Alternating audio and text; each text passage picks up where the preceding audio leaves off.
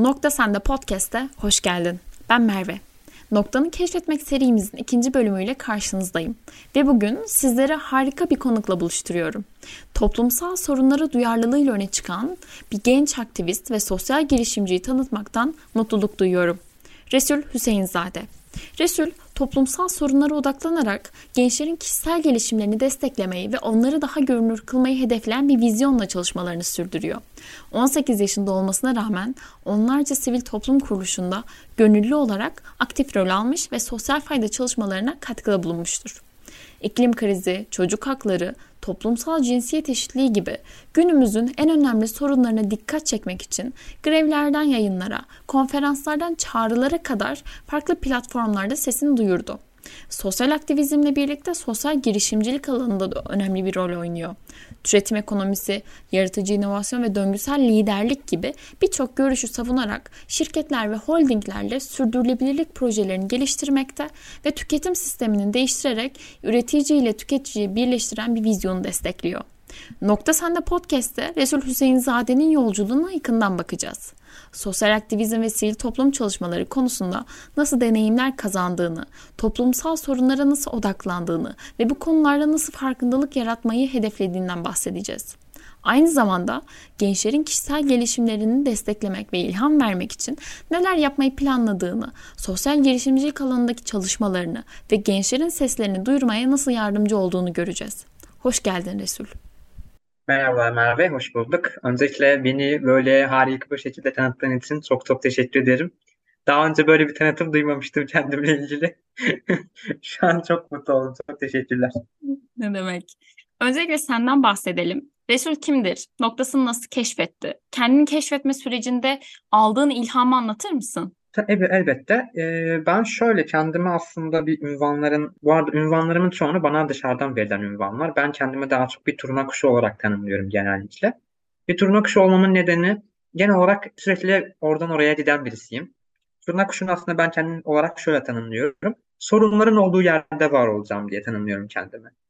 Turna kuşu gibi sorunların olduğu yere uçacağım ve bir müddet orada kalıp sorunları çözdükten sonra yine başka bir yere sorunları çözmeye çalışmaya devam edeceğim.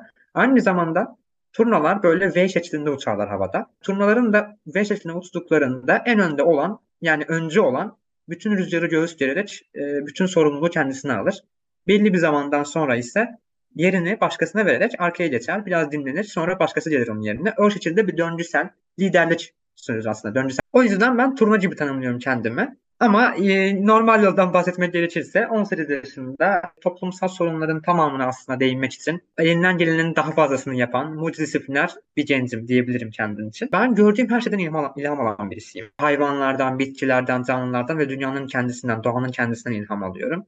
Sadece insanların yaptıkları doğrulardan değil, insanların yaptıkları yanlışlardan da ilham alıyorum. Ki nasıl yanlışlar yapıyorlar, nasıl düzeltilmesi gerekiyor bunların diye.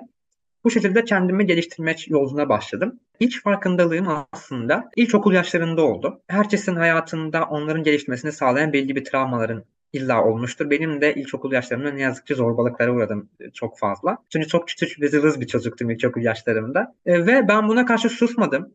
Diğer zorbalığa uğrayan çocukların hakkını savunmak için, kendi hakkımı da savunmak için ayağa kalktım ve haklarımı savunmaya başladım. O zaman itibaren ilk olarak çocuk hakları savunucusu oldum. Ta ilkokul yaşlarında. Ve ben hayatımda daha neleri değiştirebilirim? Hem kendi hayatım için hem diğer çocukların hayatı için, gençlerin hayatı için neleri değiştirebilirim, nelerde fark yaratabilirim diye kendime baktım. Aslında farkındalık diyoruz ama farkındalık tek başına önemli bir şey değil. Farkındalığı oluşturup kendinin farkında olmak. E ben küçük yaşlarda şanslıyım ki kendimin farkına varmış oldum.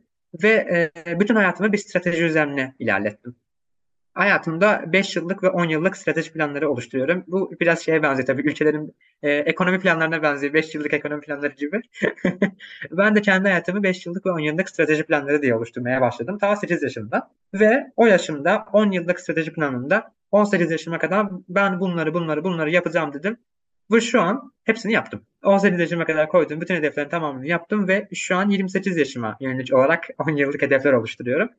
E, tabii bu, bu hedefleri biraz e, süreçten bağımsız ilerletiyorum. Yani çok bahsetmem hedeflerimden genellikle. Çünkü benim genelde planım plansız olmaktır. En büyük plan plansız olmaktır genelde. Çünkü hayatın gelişine de biraz kendimi bırakmayı seviyorum. Hani böyle her şeyden ilham alarak aslında hem e, kendimi geliştirmek için elimden gelen en iyisini yaparak bulabildiğim, okuyabildiğim her şeyi okuyarak, konuşabildiğim her insanla konuşarak ki çok konuşan bir insanımdır. Kendimi geliştirme yolculuğum böyle başladı, böyle devam etti. Ee, çocuk haklarından iklim krizine, oradan eğitim haklarına, oradan işte toplumsal cinsiyet eşitliğinden girişimciliğe, politikaya yani düşünebileceğiniz her alanda değinmeye çalıştım. Aslında minik parçalarla kendini oluşturmuşsun e, süreç boyunca evet. ve böyle artık neye dokunsan, neyden ilham alsan o parçalarla aslında kendi geleceğini de 10 yıllık stratejik planlarınla kendi geleceğini de hazırlıyorsun. Gerçekten seni öncelikle tebrik ederim bu farkındalığın için. Ee, sana baktığımda gördüğüm şey e, sadece kendi geleceğini değil akranların geleceği için de sosyal odaklı çalışmalarda bulunuyorsun ve bunları yaparken farkındalık yaratmayı gaye edinen ve bu alanda başarılı olan bir gençsin. Aslında kendi felsefeni de burada oluşturuyorsun. Benim merak ettiğim şey Resul'ün hayat amacı nedir? Anlattıklarından özetleyerek. Ya Aristo'nun çok güzel bir sözü var biliyorsunuz. Aristo böyle biyolojinin de babalarından birisidir. Diyor ki insan amacını arayan bir hayvandır. Ancak insan amacını bulduğunda hayat dediğimiz şey anlamlanır ve gerçekten yaşamda amacına ulaşarak ilerler veya başka bir deyişle başka bir filozofun deyimle Nirvana'ya ulaşır gibi şeylerdi. Ben Nirvana'ya ulaşmadım tabii ama bu yolda olduğumu söyleyebilirim. Kendimi hep yolda olan birisi olarak tanımlıyorum ben. Benim felsefem birincisi yolda olmaktır. Hep yürümeye devam etmektir. Yani hayatta ne olursa olsun her zaman yürümeye devam etmek. Dediğim gibi her şeyi deneyimliyorum ya. İyimserliği de deneyimledim. Karamsarlığı da deneyimledim. deneyimledim. Yani tek bir tarafta durmayı sevmiyorum. Anlamak istediğim şeylerin kendisi olmaya yönelik çalışmaya başladım. Ben e, bir insandan çok bir fikir olmak üzerine kendimi geliştirdim. Yani hatta yine başka bir toplantılarda sivil toplumda çok yıllardır deneyimli olan bir hanımefendi benim konuşmamdan sonra bana şöyle demişti Resul insanların düşündüğü fikir gibisin. İnsan değilsin de bir fikirlerin insana dönüşmüş hali gibisin demişti bana. O zaman da çok mutlu olmuştum. Asla unutmadığım sözlerden birisi.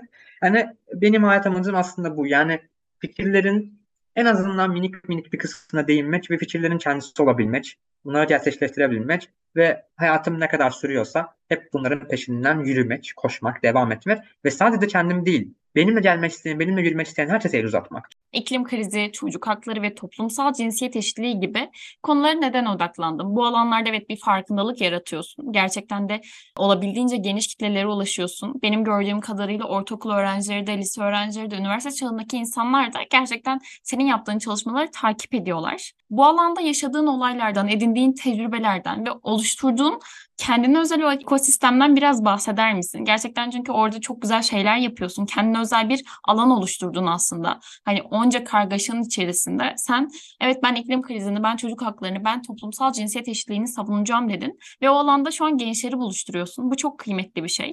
İklim krizi, çocuk hakları, toplumsal cinsiyet eşitliği aslında günümüzün özellikle bu yaşadığımız coğrafyanın en büyük sorunları. Dünyanın en temel üç sorunu yoksulluk, iklim krizi ve adaletsizlik. Ee, yoksulluk konusunda elimden gelen elbette ona, onun hakkında da şeyler yapıyorum. Fakat benim esas değindiğim alan şu an olarak adalet yani cinsiyet eşitliği, toplumsal cinsiyet eşitliği, çocuk hakları alanında adalet sorunları. Bir de iklim krizi. En önemli çünkü yaşayacağımız bir dünyanın oluşturmamız gerekiyor yoldan bahsetmişken. Dediğim gibi herkesi beraber olmaya davet ediyorum ben. Gidebildiğim, ulaşabildiğim, yani düşünsenize 18 yaşında bir çocuk. Yani daha önceden tabii artık çocuk değilim ama önceden çocuktum yani 5 senedir uğraşıyorum bu alanlarda. Ee, birçok holdinglere, Koç'tur, Sabancı'dır, Borusan'dır, Kale Grubu'dur, Ülker'dir gibi birçok holdinglere, televizyonlarda sık sık insanların dinlediği siyasi parti liderlerine, uluslararasından Birleşmiş Milletler'in başkanlarına kadar ve birçok tanınmış oyunculardan sanatçılara kadar hepsine ulaşıp hepsine anlatmaya çalıştım. Lütfen bizi dinleyin dedim. Lütfen gençleri dinleyin dedim. Sadece onlarla kalmadım, gençleri bu işin içine dahil ettim. Benim mesela büyük bir ekosistemim var, evet. Ve bu ekosistemin içinde yaklaşık 10 bin, 10 bine yakın genç var. Çocuk, genç, yetişkin de var aynı zamanda bunların içinde. E, çocuklarla eğitimler yapıyorum. Gidiyorum ilkokullara çocuklara eğitimler yapıyorum mesela. Liselere gidiyorum eğitimler yapıyorum. Üniversitelerde söyleşiler yapıyorum. Kolektif bilinç oluşturmaya çalışıyorum. Aslında bu kolektif farkındalık, kolektif bilinç de benim çok önemsediğim şeylerden birisi. Ekosistemin içerisinde döngüselliği sağlamak gerekiyor. Yani sadece ben değil bu ekosistemin içinde. Yine benim gibi olabilecek insanlar da yetiştirmeye çalışıyorum. İlk en başta kendi ailemden, kardeşimden başlayarak, yakın çevremdeki arkadaşlarımdan başlayarak birçok insanı bu ekosistemin içine dahil etmeye ve bu ekosistemin içinde kendilerine yer bulmaları için yardım ediyorum onlara. Mentorluktur, akıl danışmanlığı Çünkü benim de aklım, akıl danıştığım, tavsiyeler aldığım, mentorluk aldığım insanlar var. E ben de aldığım bilgileri kendime tutmak yerine birisine aktarmam gerekiyor. Bu ekosistemin içindeki gençlere, çocuklara, yetişkin insanın hepsini aktarmaya çalışıyorum. Bu ekosistemde herkese göre yer var. Herkesi davet ediyorum. Gelin beraber olalım, beraber çalışalım. Çünkü bizim temel adımız hiçbir ayrım gözetmeden sadece ileriye bakmak. Temel adım, amacımız sadece bu. Çünkü e, çok fazla şey gördük. Görmemiz gerekeninden çok fazla şey gördük biz Z kuşağı olarak ve özellikle 2000'den sonra yaşayan kuşaklar olarak. Ve artık bir şeylerin değişmesi gerekiyor diyoruz. Artık tamamen sistemin tamamının değişmesi gerekiyor ve yeni dünyayı beraber inşa edebiliriz. Ben o söze inanıyorum. Gerçekten geleceği beraber inşa edebiliriz ekosistemin içinde bulunan o 10 bin gencin e, aralarında çocuk, yaşlı, işte yetişkin insanları da bulundurman ve işte bu insanlarla ortak bir paydada buluşup çalışman çok kıymetli. Eminim hani bu podcast'i dinleyen insanlar da bununla gurur duyuyordur. Çünkü ben de farkındayım birçok insan o ekosistemin içerisinde ve durmadan yılmadan çalışmalarını sürdürüyorlar.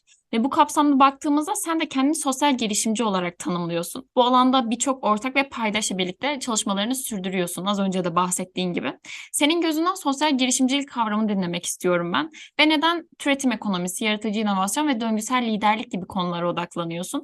E, tabii ki. Ya sosyal girişimcilik dediğimizde şöyle ben sivil toplumdan başladım aslında bu işlere.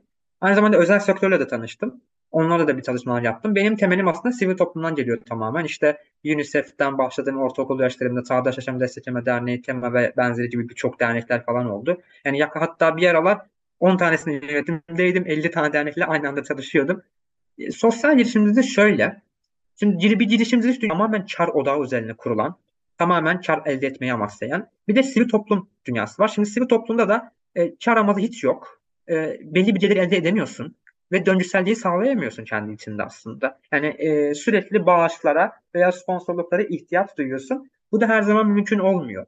O yüzden kendi döngüsel ekonomini, kendi içinde kendi döngüsel ekonomisini, gelir gider modelini sağlayacak bir model ne olabilir dedim. O zaman işte dünyada yeni yeni yeni ortaya çıkmaya başladı sosyal girişimcilik sistem. Sosyal girişimcilikle ilk tanışan gençlerden birisi oldum. Ve e, Türkiye'de sosyal girişimcilikle ilgili ben tanıştığım zamanlarda hiçbir şey yoktu. Hele de gençlere dahil eden hiçbir şey yoktu. Ben bunu dedim bir şeyler yapalım. Hadi şirketlere dedim, derneklere dedim hadi sosyal girişimcilik eğitimleri yapalım. Beraber bir şeyler oluşturalım falan gibi. Maratonlar yaptık, yarışmalar yaptık. Sosyal girişimler ortaya çıkmaya başladı. Ödül törenleri düzenledik gibi gibi. Devamı geldi. Sosyal girişimcilikte e, hem kar var. Belli bir kar, kar gidiyor ama girişimcilik gibi çok fazla kar amacı. Elde ettiği kar bir kısmını fayda için yatırım yapıyor. Yani atıyorum ben bir girişim oluşturdum, sosyal girişim kurdum. Oradan el, elde ettiğim e, geliri bir kısmını örneğin köy okullarına yatırım yapıyorum. Köy okullarının oluşturmasını sağlıyorum. Diğer kısmını ise e, kendi işin içindeki üretim aşamalarına harcıyorum. Yani geriye kalan aslında pek bir kar kalmıyor. Kar dediğimiz şey bana kalan şey. Bana kalan bir şey kalmıyor. Bana kalan fayda oluyor aslında sosyal girişimcilikte. O yüzden sosyal girişimcilik ben daha çok sevdim. Çünkü hem fayda üretiyoruz hem kendi ekonomimizi sağlıyoruz.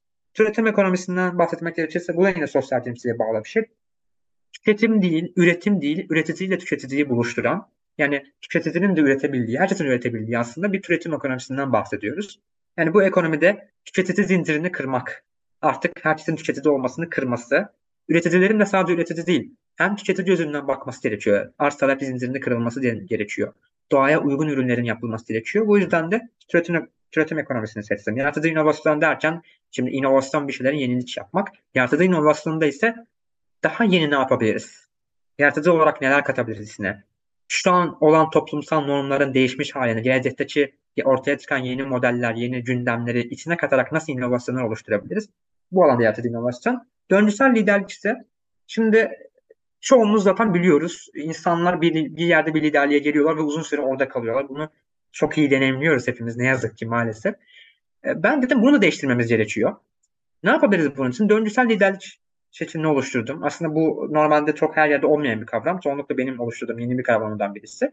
Döngüsel liderlikte ne yapabiliriz? Ee, beraber yöneteceğiz her şeyi.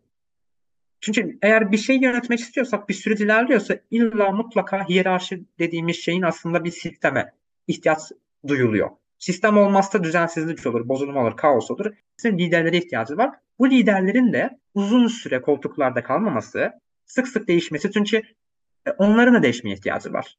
Ben şunu hissediyorum kendime uzun süre liderlik yaptıktan, uzun süre e, başkanlık, koordinatörlük falan yaptıktan sonra ben de yoruluyorum. Benim de biraz dinlenmeye, yenilenmeye ihtiyacım var. Çünkü insan kendisinden harcadıktan sonra yenilenmeye, yeni şeyler düşünmeye, yeni şeyler üretmek için zamana ihtiyacı oluyor. O yüzden döngüsel liderliği oluşturdum ve benim olduğum bütün kurumlarda bunu e, kurumların içine sokmaya çalıştım. Böylece ne oldu? Ben e, örneğin bir, bir sene görev yaptım, bir iki sene görev yaptım. Benden sonra benim yakın arkadaşlarımdan birisi o seçim demokrasi usulü seçime girdi. O görev yapmaya başladı. Daha sonra diye diye bütün herkes aslında yönetimde olmuş oluyor. Herkes deneyimlemiş oluyor yönetim aslında. Herkes birbirinin yanlışlarını düzeltmiş oluyor. Ondan önceki olanlar mesela ben yönetimden çıktım diye tamam ben sizi bırakıyorum da demiyorum. Onlara yardım etmeye de devam ediyorum.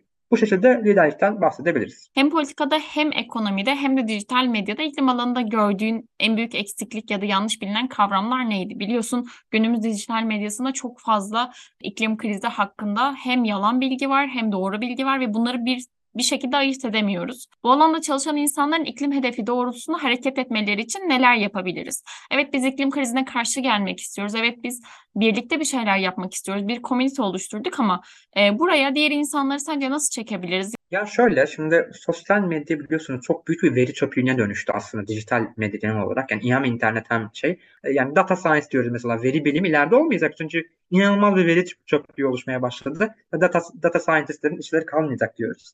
İşte sosyal medyada o şekilde yani bunu önleyemeyiz. Yanlış bilgi aşırı derecede fazla. Hele de Türkiye'de dünyanın en fazla yanlış bilgi olan ülkelerinden birisiyiz ne yazık ki. Ama bunun için yapılan güzel adımlar var. Mesela teyit.org var. Veya bizim kendi iklim hesapları var. Onları takip edebilirler. Onlardan bilgi alabilirler. Veya şimdi ben şuna karşıyım aslında. Yanlış bilgi varsa bunu engellemeyeceğiz. Bırakalım konuşsunlar.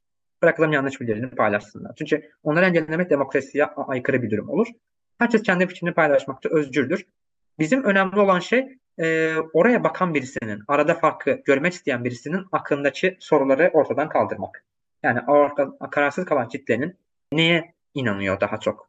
Hangi şeye göre vicdani kararları, kendi zihinsel analizlerini hangi kararlara göre veriyor, hangi kararları alıyor onları iyice öğrenmemiz gerekiyor. Bu konuda bizim iletişimcilerimiz var. İletişim stratejistleri, sosyal medya stratejistleri. O alanda çalışmalar yapıyoruz biz sık sık. İşte girebildiğimiz her alan girmeye çalışıyoruz. Mesela bu şekilde yanlış bilgiyle mücadele için çalışıyoruz. Yapabildiğimiz tek şey en doğruya bilgi ulaşmak istiyorlarsa bizi, bizleri takip etsinler. Mesela benim hesabımdan Resul Hüseyin Zeyde takip edebilirler. İklim için Türkiye, iklim için gençlik, Greenpeace'i takip edebilirler. WWF, Tema, Change.org. Yani bunlar çok e, Roots and olabilir, diğer başka hesaplar olabilir. Bunları takip ederek başlayabilirler. Zaten birini takip ettiler mi diğerlerin hepsini takip ederler zaten yavaş yavaş. O devamı geliyor. Politikada ne yazık ki şöyle bir şey var. Ben çok fazla belki görmüşsündür sen de çok sık sık siyasetçilerle çalıştım. Önce seçim döneminde, seçimden öncesinde. Neredeyse birkaç tanesi hariç e, diğer bütün siyasi partilerle görüşmüş oldum. E, ve şunu gördüm aslında. Bir kısmı bir şey yapmak istiyorlar. Fakat genel olarak genel duruma bak genel özet çıkarttığımda e, iklimi siyasi bir oyun olarak görüyorlar. Oy kazanma yeri olarak gördüklerini fark ettim ben. Ama şunun en önemli şey şu iklim ve doğa konusu siyaset üstü bir konu. Ee, ben gördüğüm doğruları da her zaman eleştirmek söylerim bunu insanlara. Bunu siyasetlere de söylemiştim uzun zamandır. Yani iklim siyaset üstü bir konu. İklimin gerçekten siyaset üstünde hangi parti olursa olsun, kim olursa olsun gerçekten yaşadıkları alanı düzeltmeleri gerekiyor. Ormanları koruması gerekiyor ve diğer gerçekçi iklim adımları vermesi gerekiyor. Çünkü dünya iklim için bir şeyler yaparken biz Türkiye olarak dünyanın en güzel doğasına sahip olarak yani böyle kültürel ve doğal zenginlikler hiçbir yerde görmedim ben o kadar ülke gezmeme rağmen. Bu zenginliklere sahip çıkmamız gerekiyor diye düşünüyorum. Ekonomide ise e, en çok karşılaştığımız şey evet mesela ben birçok şirkette çalıştım. Bir da çalışmadım mesela. Bana çok fazla şirketten e, şey geldi, teklifler geldi ve bunları reddettim çoğu fazlasını. Çünkü greenwashing diye bir şey var, yeşil yıkama. Bu sık sık ekonomide yani özellikle özel sektörde ekonomide rastladığımız bir şey. E, bunun ortadan kaldırılması gerekiyor. Yani yeşil adıyla mesela düşünsenize bir petrol firması iklim konferansı yapıyor. İşte en basitinden yeşillik ama bu. Yani sen zaten iklimi mahveden birisisin. Yeşil yani iklim konferansı yapıyorsun neye yarar yani? Veya işte tarımı zehirli tarım üreten, zehirli tarım araçları üreten bir firma diyelim. Veya işte giyim alanında zehirli ürünlerden e, adaletsiz düzene sahip olan işçilerine az maaş veren, eşitsizlik uygulayan bir giyim markası diyelim.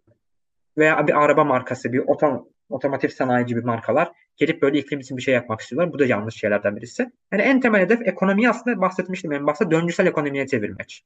Kar gütmemek, yeşili, doğayı, savunmak, adaleti savunmak, eşitliği savunmak birçok petrol firması olabilir, diğer firmalar olabilir. E, iklim konusu altında aslında sürdürülebilir olduklarını gösterebilmek adına bu tarz çalışmalarda bulunuyorlar. Ben de bunları gerçekten kınıyorum ve çok yanlış buluyorum. 18 yaşında Türkiye'de yaşayan bir gençsin.